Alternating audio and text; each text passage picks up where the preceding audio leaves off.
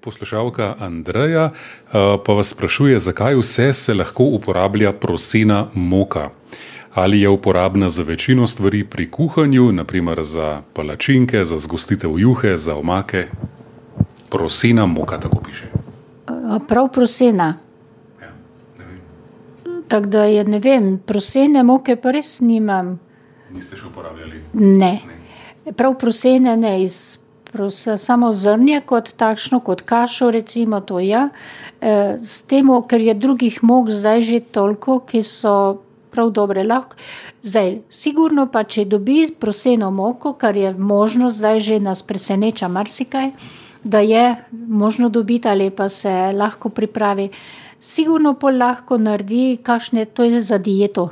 Zlasti za te, ki so brez glutena, ki lahko naredi jim tudi njuke, glejte, lahko si pomaga, če ima enkrat proseno moko, da dela krompirjeve njuke. In da tole moko proseno zraven in ima za dieto. Ali pa podmet, vsekakor za kako poprašitev kake juhe samo, kakšne kremne juhe narediti, a ne. Od, če ima rahlo zelenjavno, pa je treba malo zgostitve, pa je mogoče samo ena žlička prosene moke, ki jo malo vmeša v vodi, pa jo zakuha in ima eno dobro, tudi pomaga pri sookusu ostalih živil, sestavljenih v juhi ali pa v kakšni omaki mogoče. Tako da, če jo le dobi ali pa če jo ima, mislim, da jo lahko uporablja za vse tele manjše stvari. Ravno, da bo kruh pekla, pa mislim, da ne, ker sicer pa mora biti tam še mešanica čega zraven.